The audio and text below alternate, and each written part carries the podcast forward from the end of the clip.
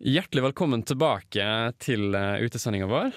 Uh, jeg er så heldig å få sitte her med selveste Markus Lange. Uh, hallo, Markus. Hei, hei.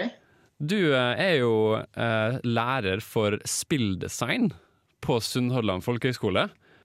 du er jo også styreleder for Spillmakerlauget Norge, stemmer det? Det stemmer godt, det. Ja. det er veldig koselig å ha deg her.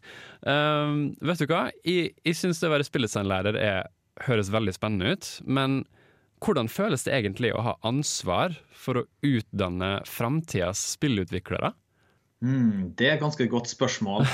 det, det, føles det føles ganske godt, egentlig, å kunne være med og forme deres kunnskap og de, de, verktøyene de skal gå ut i verden med. Mm. Uh, fordi det er jo noe jeg, jeg, tenkte på mye før jeg begynte, begynte, som lærer. At jeg tenkte på utdanning innenfor spill og hva som er viktig. Og det var veldig mange som utdanna seg som spilldesignere som ikke nødvendigvis hadde rett verktøy. Så det føles uh, det, vekta er kanskje ikke så tung som man skulle tro, for det er jo en veldig gøy jobb og en interessant jobb, og elevene er interesserte. Så det er bare gøy, egentlig, å kunne være med å forme de nye spillutviklerne som da kommer inn i spillindustrien. Mm. Eh, dere har vel veldig mange søkere òg, tenker jeg. er, det, er, det, den eneste linjen som har spilldesign i Norge, på folkehøyskole? Eh, nei. Uh, vi var jo den eneste i flere år, men i 2014 så åpna starta det tre linjer, og nå finner du om lag en syv stykker som omhandler spilldesign eller spillutvikling. Så vi er ikke den eneste lenger. Nei, riktig. Jeg tenker eh, Videregående skoler har jo nylig, noen av de i hvert fall, innført spillfag i pensum, eller som valgfag. Uh, jeg, lurer på å høre din mening om dette her. Uh, hvorvidt uh, syns du det er nyttig, og er det en realistisk satsing, tror du? Ja, Det spørs jo på timeantall og hva målsetninga er. Hvis målsetninga er at man skal sette seg ned og lære å tenke, eh, som en spillutvikler tenker på design, brukervennlighet og sånt, så tror jeg at det er absolutt verdt det. Fordi det er kunnskaper man kan ta med seg videre til egentlig hvilke som helst fagområder. For i, på, i spill så handler det om å kunne levere et produkt som er lett å forstå, eh, som har mye dybde, som du kan bruke mye tid på, og da brukes som et Det blir jo brukt som et læringsverktøy. Spillet sjøl har jobb i å lære det å bruke det. Mm. Så hvis vi greier å da bruke den kunnskapen til å lage bedre apper, bedre brukergrensesnitt på offentlige tiltak som Nav og sånt, så er jo det kjempebra. Uh, for det gjelder jo ikke bare spill. Uh, så jeg tror, det, jeg tror, det, kan være ganske bra for elevene. Pluss at det å ha en forståelse for programmering, i hvert fall. Som programmering er jo ikke for alle. Nei. Eh, men det er kjekt å ha, den, ha, en liten forståelse for hvordan det fungerer, for det går igjen på problemløsning. Og det å bygge opp en logikk eh, som omhandler å prøve å løse problemer som man ser foran seg, og ta og bryte det opp i små biter og håndtere dem hver bit for seg sjøl, i stedet for å prøve å takle et stort problem samtidig. Så ja, jeg tror med rett vinkling og med rett volum så er det jo bra. For det er jo eh, Volumtrening er jo det man lærer best av. Så hvis man har ja, hvis man har én time i uka, så kan det bli litt lite. Ja, da, da tenker du mengdetrening, på en måte, at man må fortsette med det konsistent? Ja, rett og slett. Mm. Eh, for det er jo det, det er sånn man lærer. På linja mi så er det Vi har programmering i timene, men jeg sier til elevene at dere må jobbe på fritida, for vi har ikke nok tid på dette ene året til å lære dere nok mm. hvis dere bare gjør det i skoletimene. Det er jo litt som å lære et helt nytt språk, egentlig, er det ikke det? Jo, det er, det er egentlig det. For det er jo det er massevis av syntaks, begrep og grammatikk som en må forstå. Eh, og man må komme på et det tar tid, da. Du, du, hvis vi hadde hatt engelsk én time i uka på Ja. skolen, så um, hadde, hadde vi vært ikke like flinke i engelsk som vi er. Helt klart. Eh, vi var litt inne på dette med jobber, eh, og jeg tenker det er jo ganske mange nå som er inne på spilldesign og spillutvikling på både folkehøyskole og også på videregående. Eh, hvor vanskelig er det å få seg jobb innen i spill, spillindustrien, tenker du? Eh, akkurat nå så er det fremdeles ganske vanskelig. Det er nors den norske industrien er liten, og du må være flink. eh, du, og du må være et, eh, et menneske man ønsker å omgås med. For når den norske industrien er så liten at nesten alle kjenner hverandre. Ja, ja, riktig.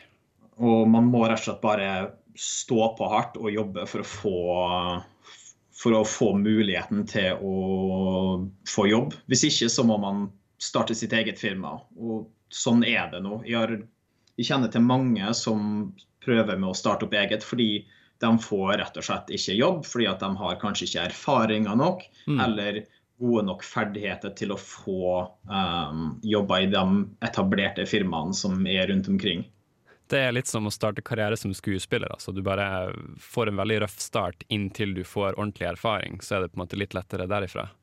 Ja, øh, ja, absolutt. Erfaring og det å fære rundt og prøve å møte spillutviklere Mm. um, og promotere seg sjøl. For um, det er jo alfa og omega. Hvis, um, hvis ingen kjenner til det, uh, så er det mindre sannsynlighet for at uh, du får jobb.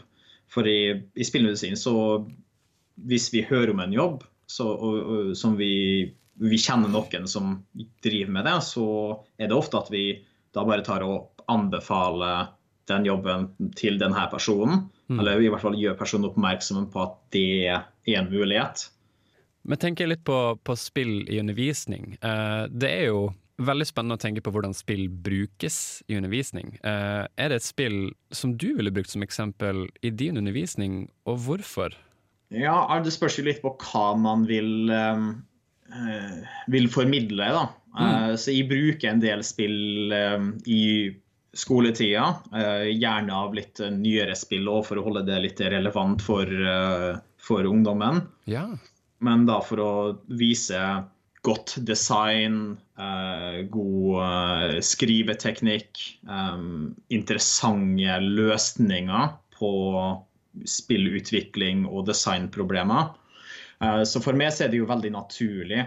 Men jeg vet jo at det er blitt mer og mer vanlig å bruke spill eh, rundt omkring i verden i utdanning når det gjelder tema som historie, matematikk, Absolutt. eh, og diverse. Mm, mm, absolutt. Har du noen eh, konkrete eksempler?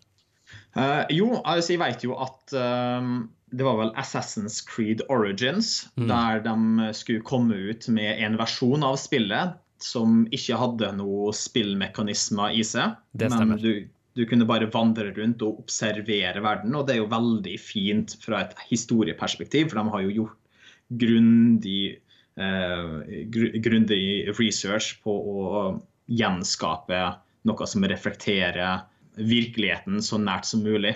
Og så er det jo um, Spill til barn, så har det jo alltid vært en rekke med spill som har vært direkte designa mot barn for å lære dem lesing, matte og sånt. Vi har jo Lek og lær, eh, Josefine-spillene fra, fra når vi var unge. Yes. Um, og nå er det jo um, Det kom ut i fjor et norsk eh, spill fra Megapop, mener jeg, som handler om å lære seg, eh, lære seg matte. Det er jo veldig kjekt eh, å kunne lage den typen spill som da er retta mot opplæring. Og jeg tror vi kommer til å gå gjennom mange faser i løpet av de kommende 10-20 årene der vi raffinerer evnen vår til å lage spill da, som vil hjelpe til med læring. Ja, det er jo et veldig eh, interaktivt eh, medium eh, sammenlignet med si bøker, hvor det er veldig enveis. Ja. Så du blir veldig veldig og- stimulert. Ja.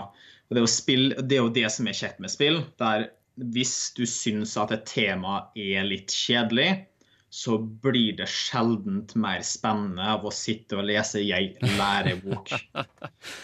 Word. Word. spill, ja, men spill kan jo engasjere på et uh, høyere nivå, for du, ja, du, du bidrar med mer enn bare din evne til å tenke på matte. Du har det, det er visuelt, du har lyder inne i bildet, det er gjerne litt taktikk som er involvert, avhengig av hvordan spillet er satt opp. Mm. Eh, og så får du eh, gratification, du får en pris da, for å ha gjort det bra. Og jeg, jeg tror i hvert fall nå til dags eh, så er jo det veldig uh, viktig. Det er jo litt synd at vi må få noe for å, uh, for å gjøre litt matte, men det er jo sånn samfunnet vårt har endt opp med å bli, der vi krever å bare få noe for å ha spilt et spill eller for å ha gjort litt matte. Hvis ikke så gidder vi ikke å gjøre det. Så jeg husker når jeg var liten, så satt jeg og spilte et amerikansk mattespill der hver gang du klarte noe, så fikk du, eh, fikk du fyrverkeri og tommel opp av superhelter som eh, da prøvde å lære deg matte og trengte hjelp fra det til å ta ned superskurker via matte. Ja, det er jo veldig koselig, da. Ja, ja det, det, for, det skaper et høyere engasjement og lettere å bli interessert i det. Sånn, det, det er jo litt lureri, egentlig. eh, Fordi man sitter her og spiller det fordi at det er et gøy spill, og så har man blitt sniklært matte. Mm. Det er jo mange som kritiserer eh, spill som et læringsmedium, sammenlignet med da bøker, f.eks. Hvordan tenker du spill eh, vil bli brukt i undervisning i fremtiden, og hvordan vil du at det skal brukes i undervisning i fremtiden? Um, godt spørsmål. Um, for spill er jo Spill får jo veldig mye kritikk fordi at det er det nye mediumet. Uh, og alle nye medium får kritikk. TV fikk kritikk når det var nytt, og det fikk radio. Til og med bøker fikk kritikk når det kom som ny teknologi. Man skulle liksom bli asosial og dum av å sitte inne og lese bøker i stedet for å være ute og være sosial, liksom. Ja, det var ukjent, rett og slett. Ja, rett og slett. Jeg tror det, det er vanskelig å spekulere på hvordan det kommer til å påvirke samfunnet vårt, fordi denne typen teknologier tar alltid uforutsette retninger og greier å bli bakt inn i samfunnet. Og samfunnet bryter ikke ned selv om folk spiller spill, men det bare tar en ny form. Eh, Samfunnet tar en ny form med spill da, som eh, står på agendaen. Um, men jeg vet jo at det er interess, interesserte der ute som driver og jobber med å bygge spill, lærespill som gir eh, poeng. Sånn at uh, i stedet Dette har jeg også hatt en del samtaler med folk om, om fremtidens skole. Der vi kanskje går bort ifra å ha karakterer og har poengsummer i stedet. Uh, Så i stedet for å starte på 100 mulige poeng på en prøve, og så får du kanskje 70 poeng, så bygger du opp en poengsum fra hvor bra du har gjort det, og tar med det videre. I løpet av året så har du samla opp en viss poengsum, og når hvis poengsummen er over dette punktet, da blir det karakter 4, f.eks. Mm. Så det er jo definitivt mange muligheter. Jeg tror skolen kan bli veldig annerledes, men det er vanskelig å spekulere på hvor, hvor langt denne endringa kommer til å gå. Um, jeg, tror, jeg tror det er en veldig god idé å ha mer spill uh, til å engasjere i hvert fall de elevene som er vanskelig å engasjere i fag de bare ikke har interesse for. Mm. Men jeg tror det også er viktig å ikke ha for mye, fordi for mye skjermkikking er jo mentalt uh, utslitende, og variasjon er viktig. Det er jo også grunnen til at det er veldig viktig å ha eh, gym på skolen, fordi det er et avbryt av å sitte inn i et avlukka lite rom, og du får litt frisk luft og litt bevegelse. Litt eh, balanse er nøkkelen. Ja, egentlig. Men jeg kan jo bare høre, Markus, du er jo også styreleder for Spillmakerlauget, som sagt. I, er det på en måte hele Norge, eller er det en viss del av Spillmakerlauget? Det er Spillmakerlauget Norge, da. Ja. Uh, som uh, høres jo veldig imponerende ut. Uh, men Spillmakerlauget Norge er, er, mer et um, administrativt organ som er med å hjelpe å fasilitere driften av de lokale eller regionale laugene. Så egentlig så er det de regionale laugene som er sjef, og så er det styremedlemmer fra dem som sitter i styret på det nasjonale lauget. Mm, mm. Så um, jeg er her bare for å hjelpe de forskjellige organisasjonene uh, holde seg oppe, gi hjelp der jeg kan, og så fasilitere kommunikasjon mellom regionene. Uh, og vi driver og jobber med å sette opp et med, nytt medlemsregister pga. europeisk lovgivning som kom i fjor. Eh, så må jo det være skikkelig og sikkert, og sånn, så vi jobber med det. Og da er det Spillmakerlauget Norge som kommer til å drifte det. Så man slipper å ha det sånn at hvert regionalt laug har et eget medlemsregister. Det blir mye lettere å ha oversikt. For dere er et, et hjelpeorgan til mindre eh, lokale spillselskaper som starter opp, er det, er det slik? Um, det, var, det, var, sånn det starta ut. Uh, da var, da var spillmakerlauget en, en, veldig vag ting. Um, og spillmakerlauget var veldig vagt i ganske mange år. Uh, fordi det ble jo starta i Bergen i 2011, det første spillmakerlauget, for å bare knytte spillutviklere sammen. Mm. Fordi de, de, visste at det fantes spillutviklere rundt omkring, men ingen av dem snakka med hverandre. Uh, og det var jo et problem som uh, uh, var tidligere i Norge, at spillutviklere snakka ikke sammen og visste ikke så veldig mye om hverandre. Spesielt utafor Oslo. Så da ville de på en måte skape en organisasjon der de kunne bare dra sammen utviklere i regionen og bare ha en, et, et, en kommunikasjonsplattform. Da, og ha events og hendelser der de møter, prater, deler kunnskap og historier. Og mm. bare blir en tettere, tettere industri, da. Og så starta det da med at jeg også var eh, At spill, spillbedrifter var litt med, og spillmakerlauget fasiliterte og skulle liksom hjelpe til dem. Men over tid nå, eh, spesielt med det årsmøtet vi hadde i fjor, så har Spillmakerlauget tatt på en litt annen retning. Eh, for vi ønsker å fokusere på den første ideen, det med å knytte spillutviklere sammen. Mm -hmm. Så vi vil fortsatt være et kommunikasjonsorgan, et samlingspunkt for spillutviklere. Og så ser vi for oss at vi vil fortsette å arbeide med individ, spillutvikleren, som en person. For å sørge for at de har eh, gode rettigheter, og at de blir tatt vare på. Og at de vet hvilke muligheter og rettigheter som finnes. Mm, det er jo kjempeflott. Ja, og som er også en nødvendighet uh, med en voksende industri. Um, for hvis vi For spillutvikling i Norge har blitt mye større de siste ti årene. Ja. Men det er fremdeles ganske smått. Uh, men alt vi trenger, er bare et, et par større suksesser.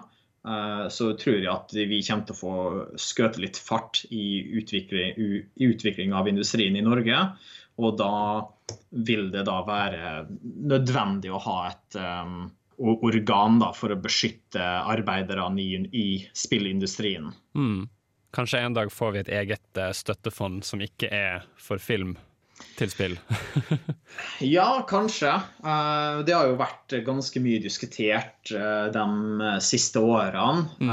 Og akkurat sånn som det står nå, så um, kjemper vi ikke for å få et eget fond, men, å, men for å få større tildeling av ja, det fondet som er. Men en dag så er det definitivt en mulighet at, man, at spillutviklere i Norge begynner å jobbe mot uh, igjen.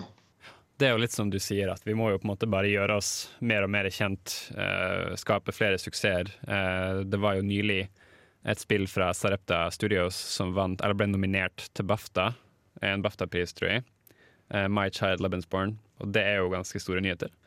Det er det. Uh, så det er jo det er utrolig stort at vi får oppmerksomhet. Og My Child Lebensborn har gjort det ganske bra på oppmerksomhetsfronten. Mm. Der det er godt tatt imot i Kina og i resten av verden. Det har på markedsføringssida har det brakt en del oppmerksomhet til norske spill, og selvfølgelig til Serepta Studios og, og, det fantastiske lille spillet de har skapt. Mm. Så jeg, jeg, håper, at de, håper, at de, vinner.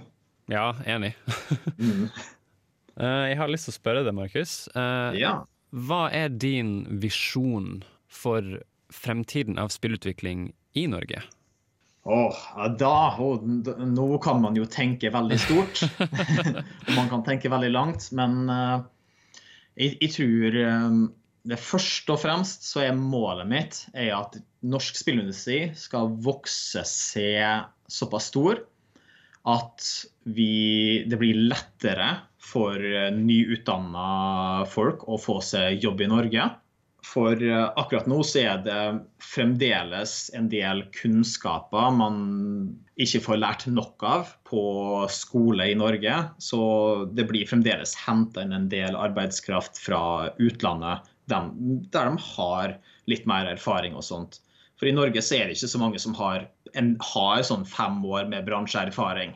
Eh, så i, i jeg vil bare at vi skal komme opp på et punkt der uh, spillindustrien er stor nok til at vi har norske folk med så lang erfaring, og at vi klarer å tjene nok til å lage mer plass til startstillinger, sånn at vi kan få inn flere studenter.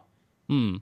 Uh, sånn at vi kan uh, Sånn at vi har en, en, en, en bra startlinje som da kan også bygge opp sine ferdigheter og kanskje i dag starte opp sine spillbedrifter, som da skaper nye arbeidsplasser til nye studenter.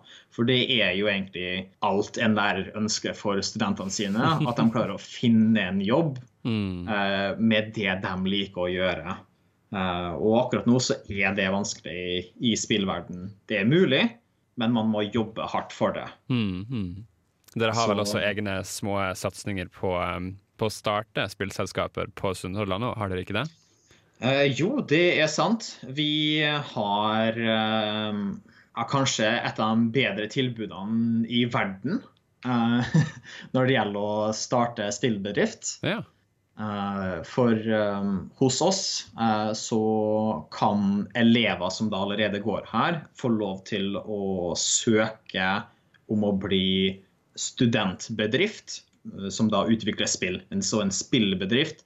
Så det blir et slags andre år der de får faktisk bo og spise gratis på skolen. De får eget kontor. Eh, og så kan de sitte der og da få ett år på å utvikle, spillet, utvikle et spill i et lite team uten å tenke på regning eller mat eller noe sånt. Så de bare kan fokusere 100% på å bygge sin egen erfaring, bygge kontakter med spillindustrien og selvfølgelig lage det best mulige spillet de kan mm. lage. Det høres jo ut som et drømmetilbud. ja, det er jo det. Det er jo jeg, tror ikke det er mange steder i verden der du får gratis eh, kost og losj i et helt år. Eh, så riktignok, de, de får jo oppgaver eh, som eh, de har å gjøre på skolen. For de er jo viktige for det sosiale livet til de nye elevene som kommer. Mm. Så de får en del sånne sosiale plikter som andreårselever. Det blir litt Men, sånn faddere, på en måte? Ja, det blir det. Nei, det er, det er, et fantastisk tilbud. Og veldig mange av dem som ok, nå skal jeg ikke si veldig mange, men en stor prosentandel av dem som har gått disse her spillbedriftene tidligere, har nå funnet seg plass i spillindustrien. Det er jo kjempegøy. Ja, det, det er ingenting som gjør meg stoltere enn å se mm. elever dukke opp i spillindustrien.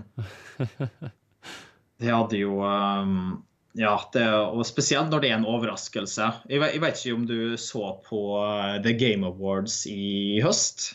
Uh, nei, men vi skal følge med på det i år. ja, For der var det jo et norsk studentspill som vant studentprisen. Ja. Huh. Og uh, da satt jo i og så på dette her live fra, fra heimen.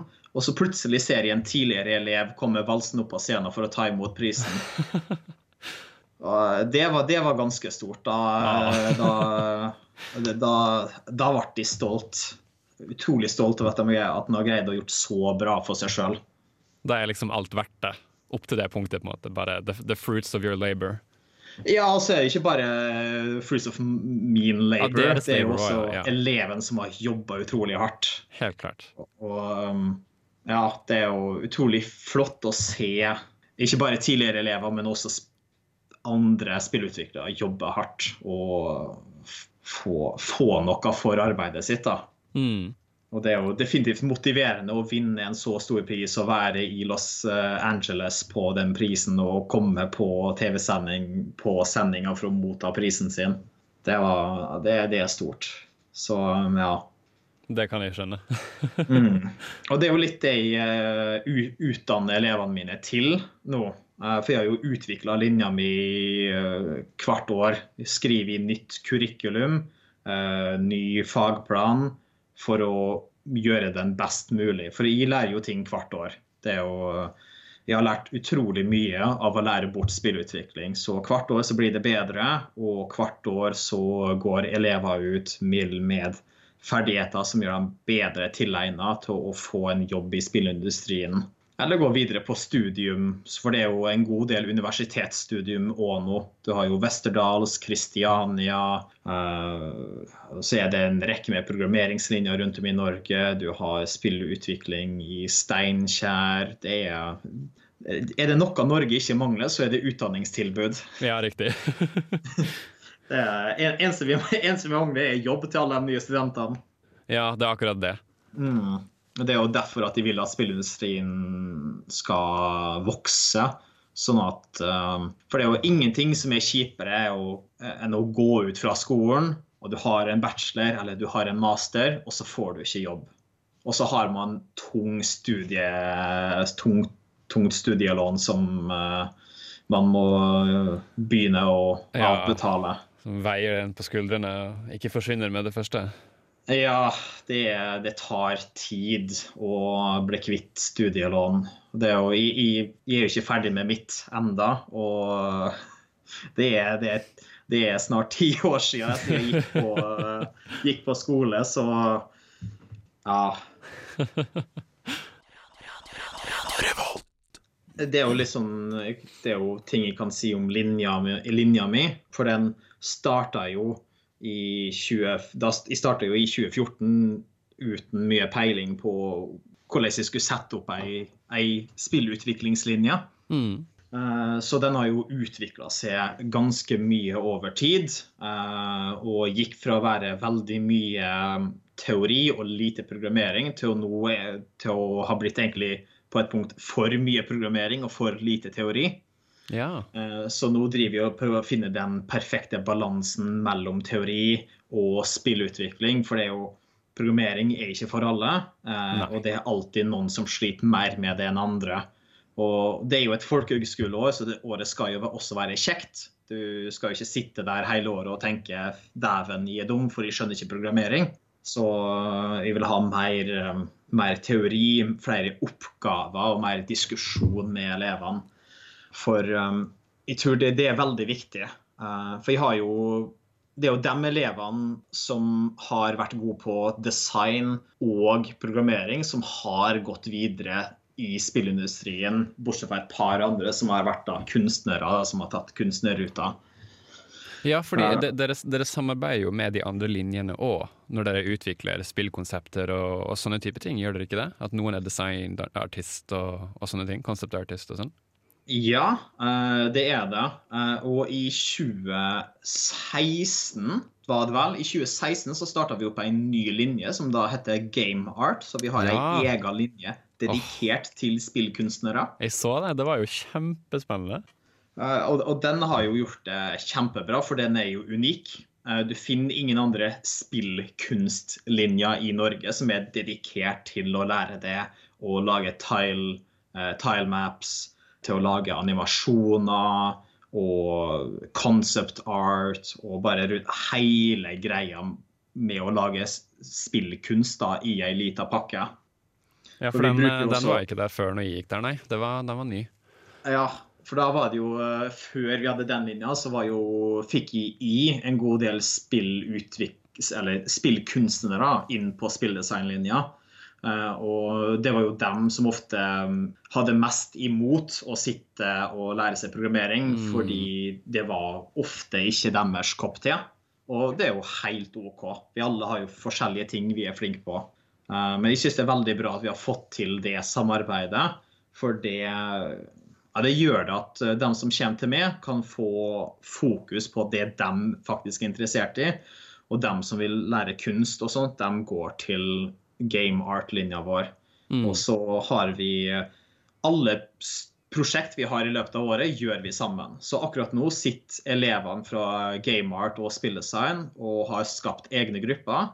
Og jobber mot slutten av skoleåret på å lage spill i grupper. Mm. Som eh, vi da skal presentere på Ung Spill Vest, som er en slags studentspillpris her på Vestlandet. Og ja. konkurrere mot andre folkehøgskoler og sånt i, i området. Ho-ho. Det er jo litt kjekt. ja, det er veldig kjekt. Det å få vist frem spillet sitt og ha mulighet til å vinne noe. Så jeg tror det er veldig, veldig fin motivasjon for elevene. For eh, på slutten av året så er jo mange av dem de er litt lei av å gjøre prosjekter. Eh, for eh, våren er, den er litt tung med prosjekter. Men når de får vite at vi skal, inn, vi skal jobbe mot å vinne en pris, og da får man diplom og potensielle andre godsaker, da blir det litt motivasjon bak å gjøre det best mulig. Ja. Mm. Samarbeider dere også med musikklinjen med tanke på spillmusikk? Vi Overraskende nok så har vi ikke samarbeida med musikklinja enda. Nei. men det er noe som vi har lyst til å få til, fordi det er, det er Så vi jobber med, med musikkproduksjon uh, på de fleste prosjektene våre, der det er alltid noen på musikkproduksjon som er interessert i å være med å lage spillmusikk og spilllyder og sånt. Mm. Eh, men alt det er jo da produsert på dataen, og det hadde vært veldig kult å fått uh, live recordings av musikk som er egenkomponert og spilt på ekte instrumenter i studio, inn i spillet. Jeg tror det hadde vært veldig kjekt å få til. Og det håper vi at vi, vi også kan få til en dag. Ja, å ha liksom eh, tre linjer dedikert til spillutvikling, selve programmering, game concept art og spillmusikk har jo vært veldig stas. Ja, det er jo uh, Musikkproduksjonslæreren han ønsker jo å ha litt mer fokus på spillmusikk uh, mm. framover. For det er jo der, det er jo et nytt marked som kommer til å begynne å stå opp. For nå er, det jo ingen, nå er det jo nesten ingen barn som vokser opp uten en eller annen tilhørighet til spill. Mm. Nå er jo alle nerder på et eller annet nivå. Alle har spilt spill. Uh, det, det, er ikke alle som fortsetter med det oppe i voksen alder, men alle har vært borti det. Absolutt. Det her, det her, går litt eh, bort fra temaet spillutvikling, men det er jo veldig spennende dette med hvordan spill har blitt anerkjent i forskjellige typer klasser også. Mm. Eh, at du har på en måte disse, hva skal jeg si, eh, lavkultiverte spillene som Farmville. og så har du på en måte de mer større, vanskelige spillene som f.eks. Dark Souls, og de litt mer eh, artistiske eh, og sammensatte spillene som type God of War, som da vant eh, Game of the Year i fjor. Mm. Eh, som jeg syns er mer som en slags film, nesten, når du spiller det. Ja, det, det spillet er jo ja, det, er en, det, reise. Man kan egentlig ikke si noe mer om det spillet. Det, det er, en, det er en reise. Mm. Det, er ikke helt en film. Og Det er jo et spill, men på noen områder så, veld, så virker det ikke som et tradisjonelt spill. Men det er Så nå, går vi jo veldig bort fra det, det temaet vi hadde, men eh, det spillet var Vi fantastisk. slenger det inn i podkasten, så det går fint. ja, det, God of War var helt utrolig. Jeg, jeg har ikke spilt noen av de tidligere spillene, annet enn ti minutter her og der. Uh. Uh, men det nye spillet var helt utrolig på et for, historiefortellernivå, Ja, på absolutt. et visuelt nivå. Det, var som å se en skikkelig, skikkelig god film, bortsett fra at det er bedre fordi du var der. Du er ikke en passiv eh, observatør. Du er der, du er Kratos. Du føler med han, for han har jo, som en god del menn har, problem med å uttrykke følelsene sine på en sunn måte. Og mye av spillet handler jo egentlig om at han blir flinkere til å uttrykke følelsene sine overfor sønnen sin, sånn at de kan ha et bra forhold. Og det at et Det- spill er med å på en måte fortelle denne historien, eh, og klarer det på en så gjennomført måte, det, det syns jeg sier noe da, om hvor langt spillet har kommet som et Ja. medie. Det var jo, et- det var jo ja. en stor risiko for uh, Santa Monica Studios å, å gå inn for denne her eh, one shot, eller hva, hva heter det, når kameraet ikke klippes. Ja, at det, det, er- ja, at det er et uh, Det er one take. Ja. Uh, de var jo veldig usikre på om dette ville funke, men herregud, det, det var jo definitivt en god satsing som, som tjente de veldig godt. Ja, og det at de hadde et så fleksibelt kamera, ga dem også muligheten til å, til å, til å fritt manipulere det for å forsterke følelsene i en scene. Mm. For det er jo Det, det, det, det svirrer jo rundt og gir up close og fer lenger unna. Det, kamera har liksom eh, Det har nesten en sjel da, som reagerer på følelsene i scenen, og er med å bare forsterke det du observerer. Definitivt. Ja, det var Det var Det var, det var, det var et sterkt spill. For du går jo inn i rollen som Kratos, som er jo den veldig barske mannemannen som har problemer med å uttrykke følelser. Mm. Og du, det, det, er, det er veldig interessant, for man sitter der og man, man har jo lyst til å si ting til, til guttungen, fordi guttungen er jo så skjønn, og han vil jo bare ha kjærlighet. Altså, vi vil prøve å uttrykke det til, til han, men mediumet som, er, som vi prøver å uh, formidle følelsene våre gjennom, er jo Kratos, som er, ja, sliter med å uttrykke seg sjøl. Så det gir også litt innsikt i eh, hvordan det er å være som en person da, som sliter med å uttrykke seg sjøl. Jeg, jeg hørte eh, faktisk en historie eh, som jeg tror Cor Corey Balrog eh, retweeta. Og, han, og det var en sønn da, som hadde spilt her spillet. Mm. Og han hadde hatt en far som var liksom Kratos, som var eh, følelsesmessig eh, utilgjengelig.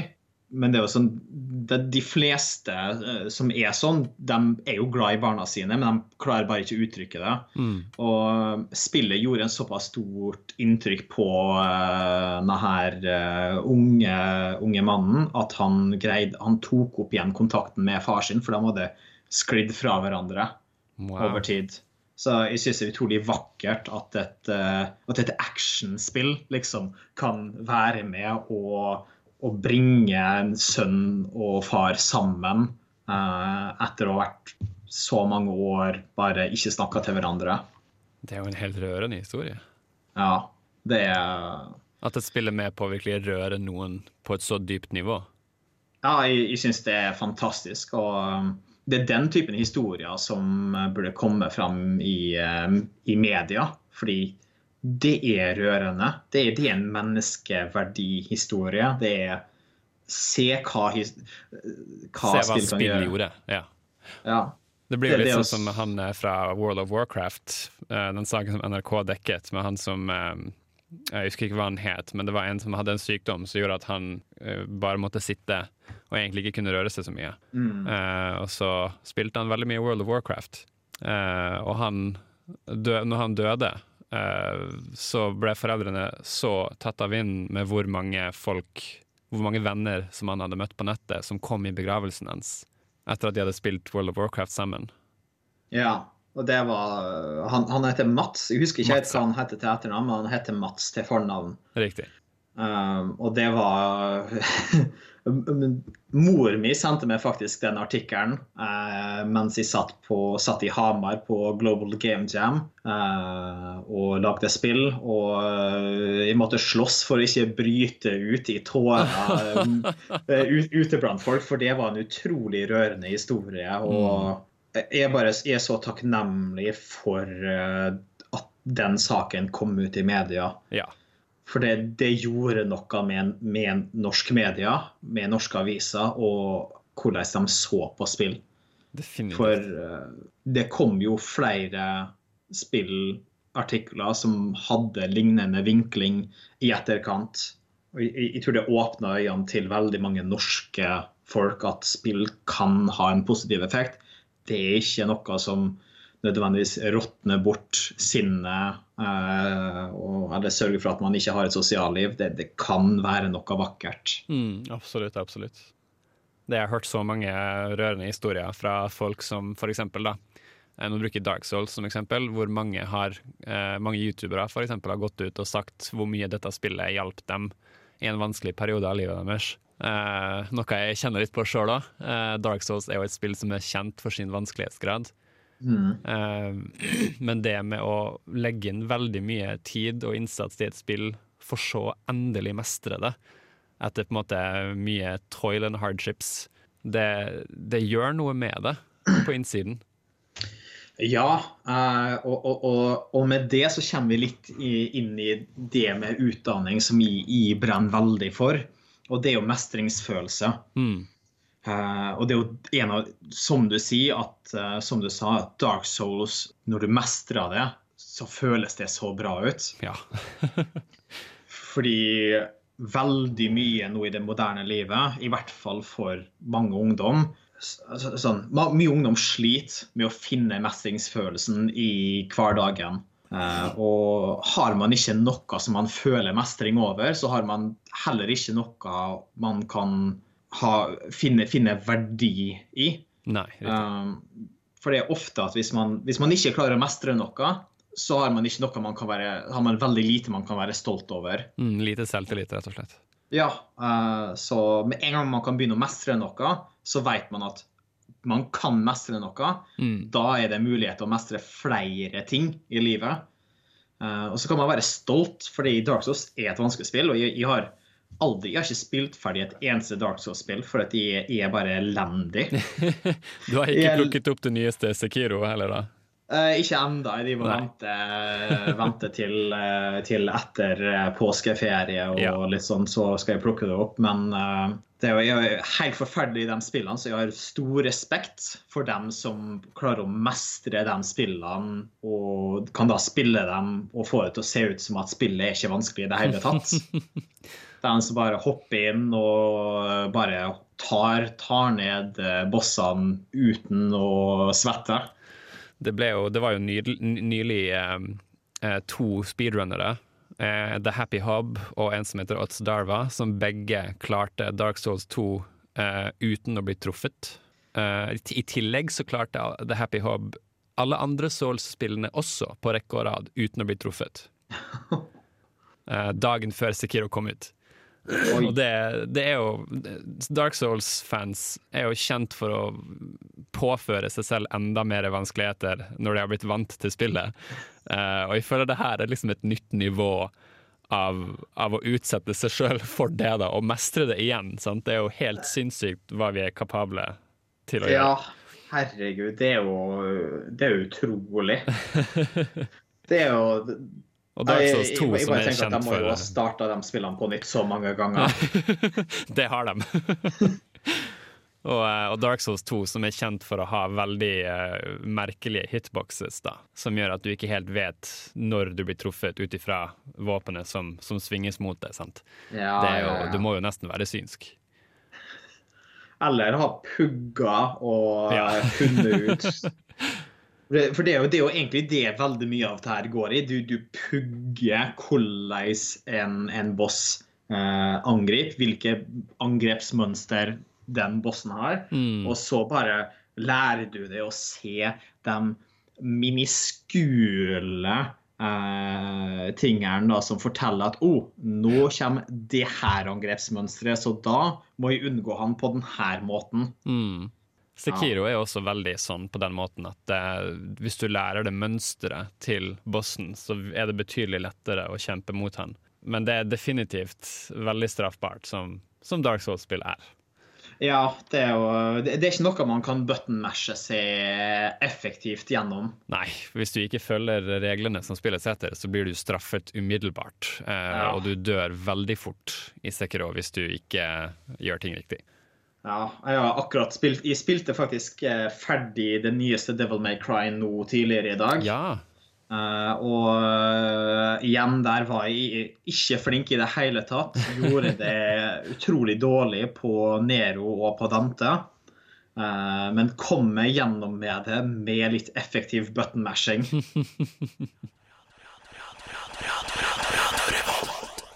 Vet du, Det var all tiden vi hadde for intervjuet, men tusen hjertelig takk for at vi fikk lov å ha det med, Markus. Dette var veldig lærerikt. Er det noen avsluttende ord eller noe du har lyst til å si til hva skal jeg si, fremtidens spillutviklere? Uh, det er stå på, jobb hardt. Ikke bare konsumer uh, spill. Uh, nyt andre typer medium. Reis, gå på turer, opplev verden og livet. Fordi det er der vi får kreativiteten til å lage nye, interessante spill på. Så lev livet og jobb hardt. Mm. Tusen hjertelig takk til Markus Lange, lærer for spilldesign på Sunnhordland folkehøgskole og styreleder for Spillmakerlauget Norge. Navnet mitt er Tor Magnus, og du har hørt på Nerdeprat.